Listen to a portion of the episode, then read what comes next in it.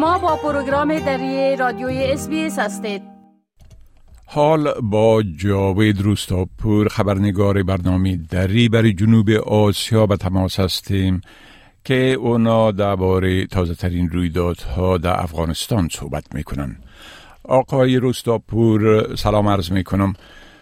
خب اولتر از هم گفتم میشه که صحت عام طالبا دستور داده به شفاخانه ها که به زنا دوای ضد حاملگی نتن. با وجودی ای که ای گزارش طالبا رد کرده اما بعضی از شفاخانه ها میگه که ای دستور برشان داده شده. بله؟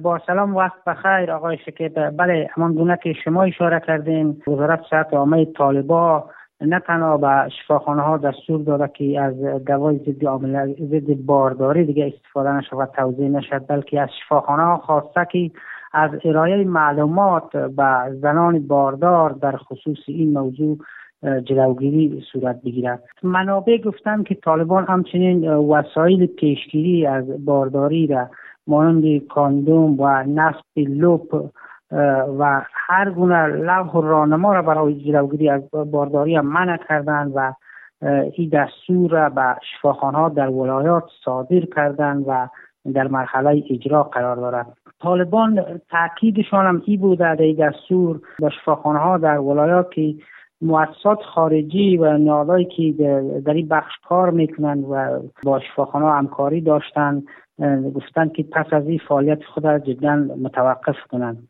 علاوه بر از دواخانه های شخصی هم در کابل خواسته شده که پس از این از فروش وسایل و وسایلی که از وقفه بین ولادت های ایجاد می‌کنه از این دیگه خودداری کنن.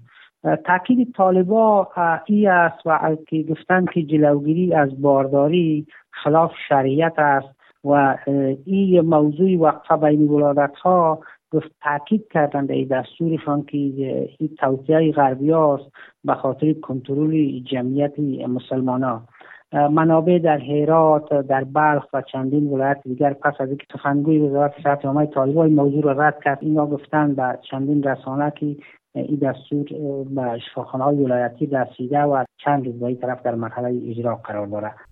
بله خب مدافعین خبرنگارا از ادامه خشونت علیه خبرنگارا و ژورنالیستا ابراز نگرانی کرده اگر لطفا در ای باره یک مقدار توضیحات بتین بله طی روزهای پسین خشونت باز علیه خبرنگارا از سوی طالبا افزایش یافت و این مسئله سبب شد که نهاد نه یا نهاد پشتیبان رسانه ها اعلامیه صادر کنه و در اعلامیه خود تاکید کرده که از آغاز سال جاری میلادی تا کنون ده مورد خشونت علیه خبرنگارا از سوی نهاد به ثبت رسیده نه گفته که از یک ماه طرف چهار خبرنگار از طرف طالبا بازداشت شدن و دلیل بازداشت خبرنگارا هم معلوم نیست و طالبا تماس گرفتن در پیوند به یکی حداقل مشخص شد که این خبرنگارا با چی دلیلی بازداشت شدن که این موضوع را به کمیسیون تخطی رسانه ها ارائه کنند تا از این طریق به دوسیه های که در بازداشت هستند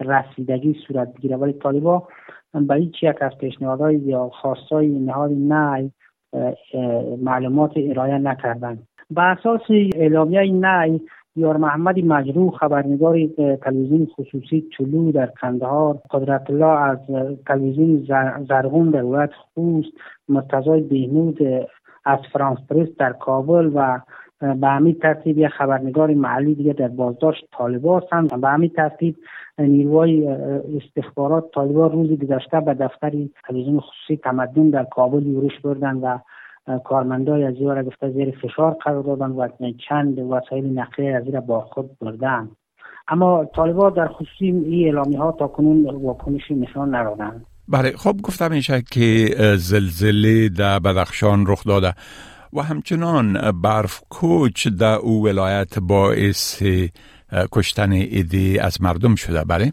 بله زلزله که در بدخشان شب گذشته صورت گرفت و مرکز زلزله هم شهر فیضآباد مرکز ولایت بدخشان خوانده شد. به گفته منابع بیش از صد خانه را تخریب کرده و چندین کودک در زیر آوار ناپدید شده ولی گفته شده که تاکنون تلفات جانی زلزله مشخص نیست. مقامات طالبان در بلخشان گفتند که به اثر این زمین لرزه شماری از خانه ها ویران شده.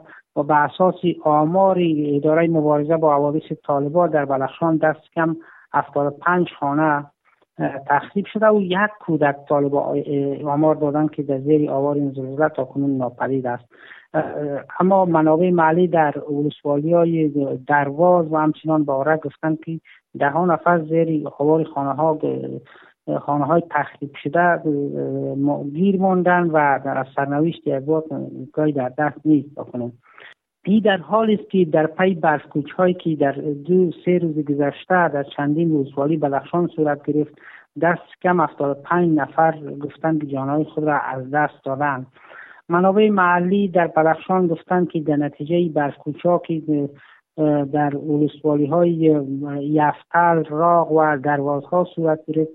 بیشتر از 100 نفر تا کنون جان خود را از دست دادن اما ریاست مبارزه با حوادث طالبا گفته که 71 نفر به شمول زنان و کودکان در نتیجه برفکوچا جان خود را از دست دادن و 12 نفر دیگه هم گفته که تا کنون ناپدید هستند. که 8 سالی از وان بلوس نیامده.